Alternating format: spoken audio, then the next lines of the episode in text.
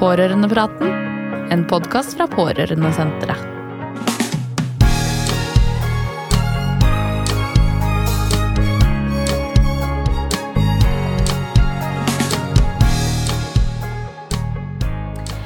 Psykisk helse.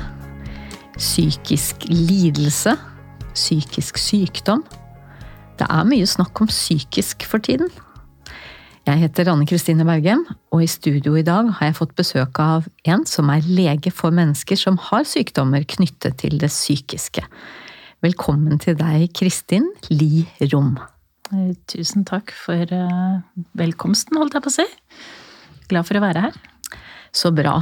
Du, kan ikke du fortelle litt om deg selv, sånn at de som hører på oss nå vet litt om hvem du er? Eh, Ja, jeg er eh, lege, og så er jeg psykiater.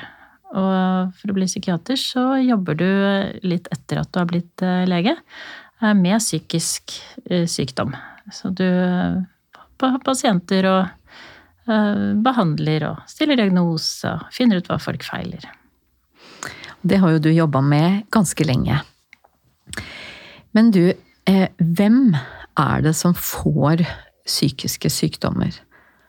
Det er jo et veldig godt spørsmål. Jeg tror på et eller annet vis så er vi vel alle eh, Alle kan få en psykisk sykdom. Eh, det er en veldig stor del av befolkningen som kommer til å få det i løpet av livet sitt. Eh, og det skyldes at vi går gjennom forskjellige faser i livet og opplever forskjellige ting. Og noen ganger så blir den belastningen så stor, det blir så vanskelig det vi går gjennom, at vi i en periode ender med å få det vi kaller en psykisk sykdom. Da. Eh, Og det kan jo ha forskjellige former. Det kan være at man f.eks. har angst, eller man har depresjon, eller um, ja, ting som vi kanskje kjenner på litt til daglig. Man kan jo bli deppa og lei seg, eller man kan bli redd for noe. Um, Men i noen perioder i livet så kan det være så mye at vi egentlig ikke fungerer så godt som vi pleier å gjøre. Ja, for det du sier der får meg til å tenke på at når, det, når vi snakker om liksom psykiske sykdommer eller psykiske lidelser, så er det ikke sånn at man kanskje enten har det, eller ikke har det i det hele tatt. Sånn kan det jo være med vannkopper, f.eks. Altså, enten så har du vannkopper, eller så har du det ikke. Men du kan ha én prikk eller ti prikker. Men når det gjelder psykiske lidelser, så blir det vel litt mer sånn at eh, hvis du har Hvis du er litt redd av og til, eh, så sier man ikke at man er syk, men hvis du blir så mye redd for så mange ting at du ikke tør å gå ut av huset, da er det på en måte blitt en sykdom. Ja, så ofte så snakker vi jo om uh, at det blir en psykisk sykdom idet det går utover liksom, funksjonen din. At du ikke kan gjøre uh, og være den du pleier å være. At det endrer deg, endrer måten du tenker og handler på. Eh, at det er det som kanskje er det mest avgjørende for om vi kaller noe en psykisk sykdom. Så det er på en måte sånn mer sånn glidende overgang da, fra å ha det litt dårlig til å faktisk være så plaget at vi sier det er en lidelse eller en sykdom. Mm. Så litt om man f.eks. klarer å være i jobb, eller klarer å være sammen med venner og sånn. Hvis man klarer de tingene, så er det ikke sikkert at man liksom er så veldig syk. Nei, jeg tenker at da er man kanskje plaget, men ikke så mye at man er syk. Og jeg syns jo spesielt det med å klare å være i jobb og klare å være på skole og, sammen med vennene sine, er noen veldig viktige eh, faktorer, da. Det er noe jeg ser etter eh, for å vurdere om eh, hvor plaga man er. Men så er det klart at det er noen som kan presse seg selv veldig, veldig langt. eh, Sånn at de faktisk har så mye angst at eh, de faktisk også tilfredsstiller eh, det vi sier sånn kriterier for å ha en sykdom, men hvor de greier å presse seg til å gjøre ting da, i lang, lang tid, selv om de kanskje egentlig burde ha rota ned. Så det er ikke sånn at man kan si at bare fordi du står i jobb, eller bare fordi du greier å gå på skolen, så har du ikke så alvorlige symptomer, eller da behøver vi ikke ta hensyn til det. Eh, Jeg tenker det er et hel Vi må se på helheten. Og så er det viktig hvordan du opplever det selv. Ja, så det er på en måte litt mer sånn komplisert enn en kanskje en del sånne sykdommer som sitter i kroppen. Ja, Det er jo ikke et virus eller en bakterie hvor vi kan liksom ta en prøve og sjekke og si å ja, men du har den bakterien. Ja, men da, da vet vi hva som feiler deg, og da vet vi at det er denne behandlingen som gjelder. Så enkelt er det ikke. Det hadde vært kjempedeilig om det var så enkelt, for det hadde jo gjort både jobben vår mye lettere og gjort det mye lettere å være pasient. Mm. Nei, for nå er det jo sånn at uh, man må eh, kanskje utrede, som det heter. Altså at man må stille mange spørsmål og nesten intervjue folk litt. Og da spør man om hvordan de har det og, og ja, mange sånne ting. Men så kan man jo også spørre om hvordan de har hatt det i barndommen sin og tidligere i livet sitt, og om de har opplevd vonde og vanskelige ting underveis. For liksom alle, alle sånn slitsomme eller belastende ting i livet kan være med på å bidra til at man kan få en psykisk sykdom? Ja. Jeg pleier å um, se på det um, Eller vi snakker ofte om at man kan se på årsakene til at man blir psykisk syk. Da. At de kan være veldig mange. Det kan være arvelighet. Dvs. Si at du på en måte har, det er flere i familien din som også kanskje sliter med psykisk sykdom. Det kan være forskjellige typer stress du er utsatt for. Det kan være rusmidler. Det er mange, mange forskjellige ting som kan bidra til at én person utvikler en psykisk lidelse. Men, du, men når du sier arv, ja. sant? Når, man kan jo liksom arve et hus fra noen, eller arve et smykke ikke det er, Men det er ikke sånn man arver en sykdom, for det er jo ikke liksom en ting. Nei, det er jo ikke en ting. Så det, da snakker vi om genmaterialet vårt, at vi arver det. Akkurat som vi kan arve blå øyne eller eh, spesielle trekk som vi kan se igjen i foreldre eh, og lenger tilbake over i slekta vår. Eh, så kan vi også arve noen gener, sannsynligvis. Vi vet ikke helt hvordan sammensetningen er, men at det er noen gener som gjør at noen kanskje har større sjanse for å utvikle f.eks. en depresjon enn andre mennesker. Eh, men det betyr ikke at man skal bli kjemperedd hvis man har en i familien som har en depresjon eller har en, eh, en eller annen psykisk lidelse. Eh, fordi som regel så skal det flere ting til. Så vi snakker om at det er flere, flere ting som skal til for å utvikle en psykisk lidelse. Ja, for du har sånn, et fint sånn bilde, du, på det at hvis man liksom Hvis de som hører på oss nå, ser for seg en bøtte Ja. Så kan man tenke seg at man, noen har en stor bøtte, og noen har en liten bøtte. Og oppi bøtta så putter vi alle de tingene som gjør at som kan være forbundet med det å utvikle en psykisk lidelse. Da. Det kan jo f.eks. være gener, eller det kan være rusmidler, eller det kan være forskjellige typer stress. Eh, det kan være eh, fysiske sykdommer. Og så kan du si at noen har en kjempestor bøtte, så det skal utrolig mye til av alle mulige faktorer oppi den bøtta før det renner over og du faktisk blir psykisk syk. Så er det noen som har en ganske liten bøtte, og da skal det litt mindre til for at man kan bli psykisk syk. Og sånn er vi forskjellige, og det er litt umulig å si liksom, hvem som har den store bøtta, hvem som har den lille bøtta. Eh, men vi vet f.eks. at det å ha noen i familien kan gjøre at den bøtta kan være litt mindre. Og da må man kanskje passe litt ekstra godt på. Ja, for da må man passe litt på hva man fyller oppi den. Ja. Eh, eller kanskje få litt hjelp også til hva man fyller oppi den. Ja.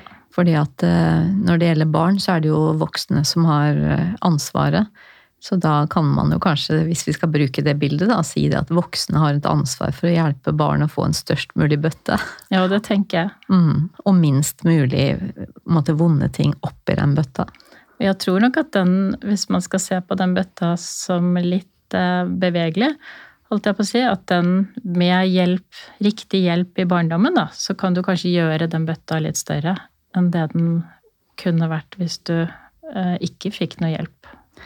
Og det syns jeg er fint og at vi har med når vi skal snakke videre nå. At hvis selv om noen måte, har det tøft tidlig i livet, så kan man få et veldig godt og fint liv eh, likevel. Og selv om noen har en psykisk sykdom eller psykisk lidelse, eh, så hvis de får hjelp og støtte, så kan de bli bedre, og de kan få gode liv likevel. Absolutt. Og det, og det syns jeg er fint at vi, at vi, kan fortelle nå, at hvis noen av de barna eller ungdommene som hører på oss, eh, kjenner noen eller har noen i familien som har en psykisk sykdom, så, så, kan de vite at det behøver ikke alltid å være sånn som det er nå. At det går an å få hjelp og støtte. Jeg tenker at det er litt essensielt, ja. Eh, og hvis vi skal ha mye åpenhet rundt psykisk lidelse, så er det vel dette som må være noe av meningen med det. Mm. At det skal være lav terskel for å be om hjelp og si fra hvordan man har det. Mm. Men hvis vi tenker på de barna og ungdommene som hører på oss nå, så kan det jo hende at noen av dem har en mor eller en far eller et søsken som har en psykisk sykdom. Eh, og det kan jo være f.eks. en depresjon. For depresjon og angst det er ganske vanlige eh, sykdommer og ganske vanlige plager. Og så har jeg lyst til å spørre deg at hvis man, er, hvis man har en depresjon, så er jo det noe annet enn å bare være lei seg.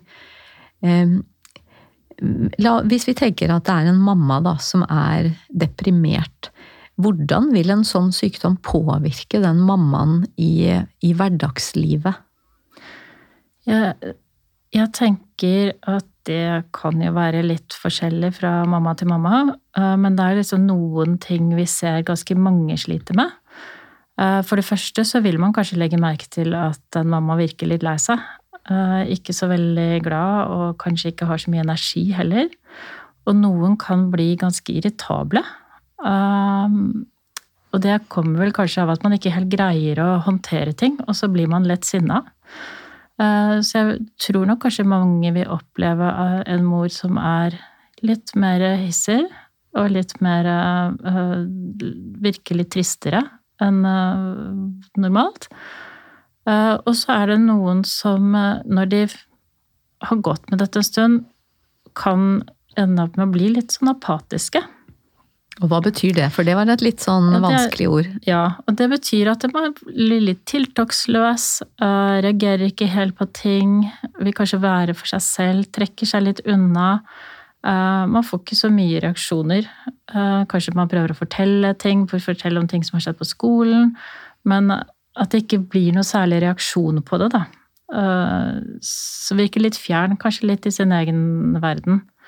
Og så er det noen som et også kan ende med å være kanskje så lite Eller ha så lite energi at de blir liggende i senga, ikke kommer seg opp, kanskje ikke får dusja, gått i bad.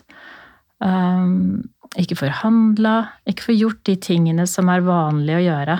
Uh, og da har man nok ofte en ganske alvorlig depresjon, faktisk.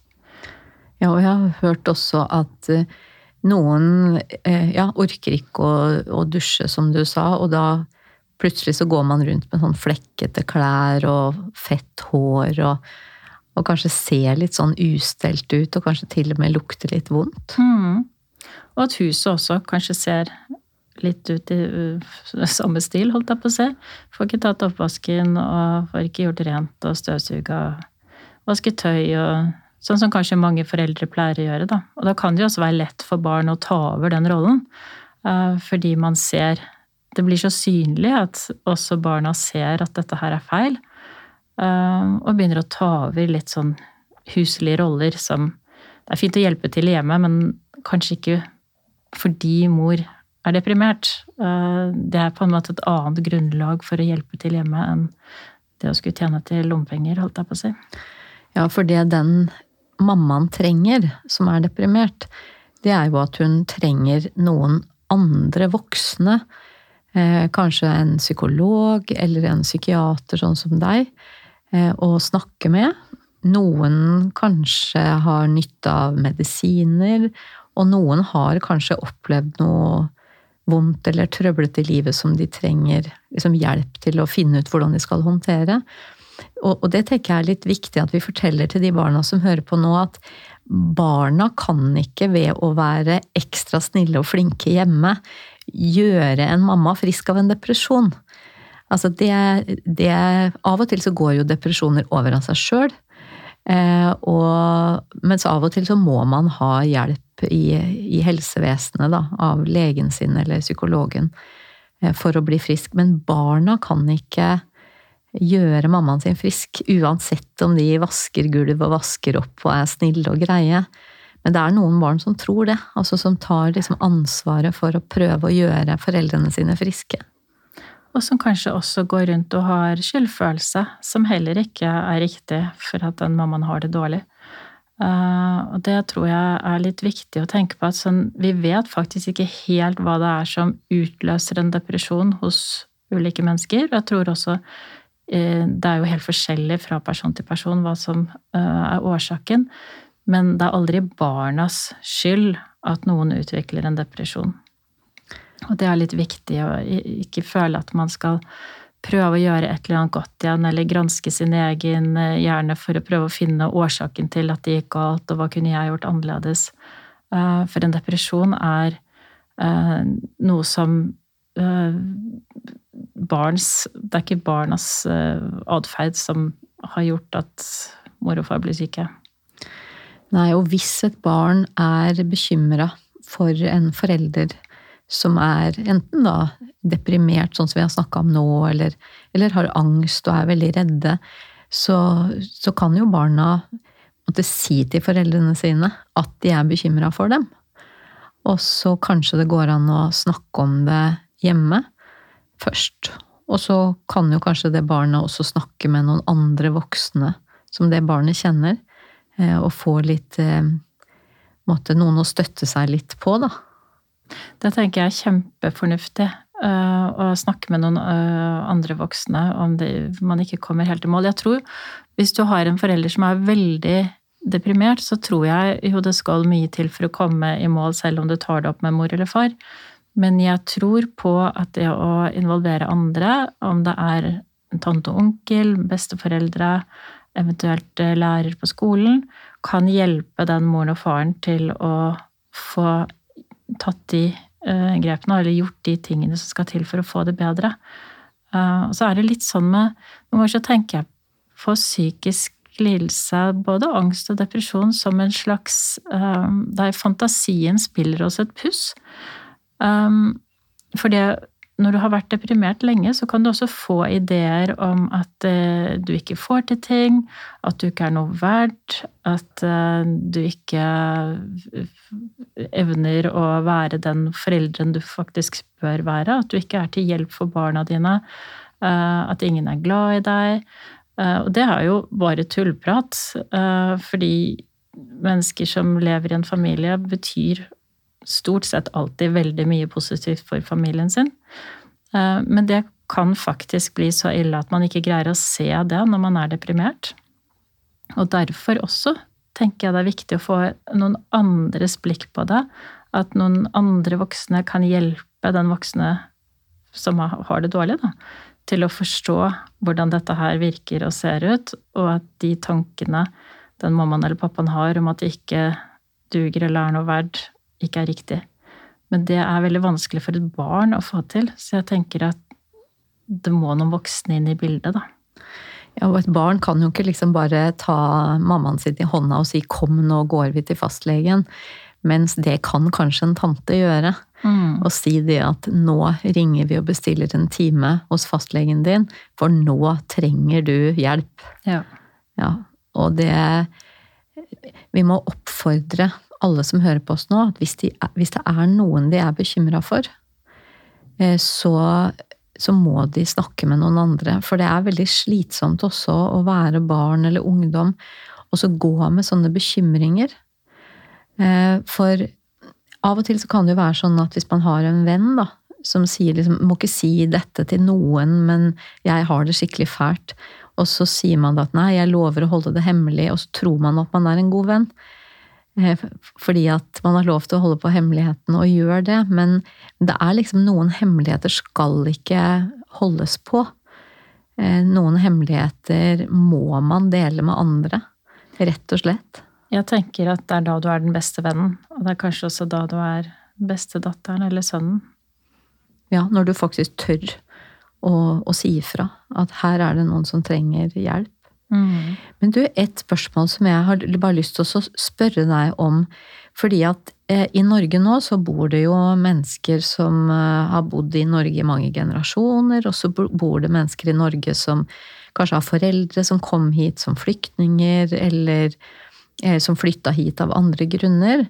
Og så lurer jeg litt på eh, når du har jobba nå i mange år, tenker du at det liksom er noe Er det noe forskjell når vi snakker om sånn psykisk lidelse og psykiske sykdommer? Er det annerledes å være barn i en familie hvor, hvor man liksom opprinnelig kommer fra et annet land, eller er det ganske likt? Jeg tror det som er annerledes, er at du er eh, i en eh, risikosone. Eh, hvis man kan si det på den måten. Hvis du har en La Vi tar det om igjen. Jeg tror det som kan være vanskelig hvis du kommer flyttende til Norge og har med deg familien din, f.eks., er at du er mer utsatt for stress. Så du er faktisk mer utsatt for psykisk lidelse. Uh, og så kan du si at uh, det å være en minoritet i et hvilket som helst land, uh, også det innebærer en, en risiko. Og så kan man jo tenke seg at ja, men kulturen er annerledes. Hvordan kan vi se at det faktisk er psykisk lidelse versus bare en annen type kultur? Eller at man uttrykker ting på en annen måte. Men der har vel også forskning vist at vi, deprimert menneske er et deprimert menneske uansett hvilket land det kommer fra. Uh, men det kan jo være at man i visse kulturer snakker mindre om det å være psykisk syk. Og det gjør jo at barn i sånne familier kanskje vil ha et mindre nettverk å henvende seg til, eller vil det være vanskeligere å si fra til en voksen om at noe er annerledes hjemme hos meg. Ja, for det er jo ikke i så mange år vi har snakka så mye om liksom psykiske ting i Norge heller. For at nå, jeg er over 50 år, og da jeg var barn, så hadde ikke jeg hørt ordet psykisk, tror jeg. Eh, så det har jo skjedd mye i Norge, eh, og vi har TV-programmer både for barn og for ungdom og for voksne som handler om måtte, ting som har med det psykiske å gjøre. Eh, så litt mer åpenhet er det blitt, og, og når vi kan snakke om ting, så blir det ikke så mye å skamme seg over. Men jeg har også hørt det at i, i noen land så tenker man fremdeles at det å ha en psykisk sykdom, det er liksom noe man skal skamme seg over. Og ting man skammer seg over, det har man jo ikke så lyst til at andre skal vite om. Så da forteller man det ikke, og da kan det bli veldig ensomt. Eh, så, så, det tror jeg var viktig at vi sier nå, at det er ingen som kan noe for at de får en psykisk lidelse. Altså, det, sånn er det bare, og, og, særlig hvis man har hatt et strevsomt liv. Og det kan man jo ikke noe for. Eh, og, at, og, at, vi kanskje gjennom å snakke om det nå kan bidra litt til at de barna og ungdommene som hører på, kan på en måte vite at det er ikke noe å skamme seg over. Så tvert imot så er det sånn at hvis man snakker om det, så blir det på en måte litt Det blir jo ikke det vanskelige blir jo ikke borte fordi man snakker om det, men, men det er akkurat som det blir litt lettere å leve med det som er vondt, hvis man har noen å dele det med. Og der tenker jeg jo vi er heldige som har det skolesystemet vi har. At vi har et offentlig skolevesen. Eh, fordi alle barn i Norge går på skolen. Eh, og der finnes det også voksenpersoner som kanskje også kjenner til den kulturen man kommer fra, men som man i hvert fall uavhengig av det kan fortelle at man har det litt vanskelig hjemme, og at man er bekymret for mor eller far. Ja, det er veldig fint. Og det er også sånn at eh, det fins forskjellige hjelpetelefoner eh, som barn og unge sjøl kan ta kontakt med. Så, så, det er ingen barn eller ungdommer som trenger å sitte helt alene med bekymringene sine. Det finnes voksne mennesker, enten da rundt barnet, sånn som du sa, på skolen og, og kanskje i, eh, nabolaget eller sånn, men det fins også folk som jobber med å snakke med barn som har det vanskelig. Eh, og det er det jo fint at, at alle kan vite. Og der er det jo flere sånne chattetjenester som er eh, anonyme også. Så hvis man syns det er fryktelig vanskelig og er redd for eh, at noen f.eks. fra barnevernet skal gripe inn, det tror jeg det er veldig mange barn som kan frykte, så kan man starte med å snakke med en sånn anonym tjeneste eh, og se hvordan de responderer, hvordan de svarer. Og så kanskje få litt hjelp til hvordan man skal gå videre. Mm. Og nå ser jeg det at vet du, tida vår den går veldig fort. Eh, så det jeg har lyst til at vi skal si sånn til slutt, det er det at det er eh, Av og til så er det sånn at et barn kan tro at man er den eneste i hele verden som har det sånn som man har det. Hvis man f.eks. har en eh, forelder eller et søsken som er eh, psykisk syk. Men det er veldig mange. Det er liksom Vi snakker om tusenvis av barn. Eh, og det gjør at det er enda viktigere å, å, ta kontakt med noen, for da kan man også treffe noen som er i samme situasjon. Og, og det vet både du, Kristin, og jeg, at det å treffe mennesker som har litt sånn samme erfaring, og, og som kan snakke med hverandre, det er ofte veldig, veldig både nyttig og fint. Det blir jo litt mindre mystisk, fordi eh, nå har jo både du og jeg jobbet i psykisk helse i mange år, så vi syns jo ikke psykiske helseproblemer er noe mystisk i det hele tatt. Men det blir også mindre mystisk for andre hvis de får snakke med noen som har greie på det og kan berolige litt. Ja, og så som vi sa helt i starten, at det er Det finnes ganske mye god hjelp og støtte å få. Sånn at om livet er strevsomt liksom her og nå, så trenger det ikke alltid å være sånn. Nei, og da syns jeg kanskje også vi kan føye til dette med at livet går i bølger, og vi som har jobbet lenge i systemet, ser at selv om noe kan være fryktelig vanskelig i en periode av livet, så kan det være andre perioder av livet hvor ting ikke er spesielt problematiske. Og det er det å hjelpe hverandre gjennom bølgedalene eh, som er vår jobb. Det syns jeg var en veldig fin avslutning på episoden. Tusen takk for at du kom, Kristin. Takk. Du har hørt Pårørendepraten, en podkast fra Pårørendesenteret. Du finner flere episoder og ressurser på hjemmesidene våre pårørendesenteret.no, pårørendeprogrammet.no og ungepårørende.no.